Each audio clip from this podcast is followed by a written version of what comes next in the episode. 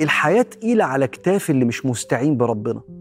وساعات الواحد لما بينفر من الإقبال على الله بسبب التربية المنفرة الدينية ما بيبقاش عنده الأوراد والأذكار وطرق الاستعانة بربنا اللي بتقوي القلب على معارك الحياة.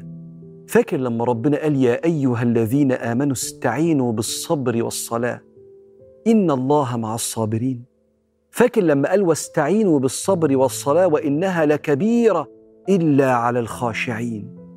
الاستعانة بالوصل بربنا وبالصبر ما هو الصبر ده عبارة عن أفكار جواك عن ربنا.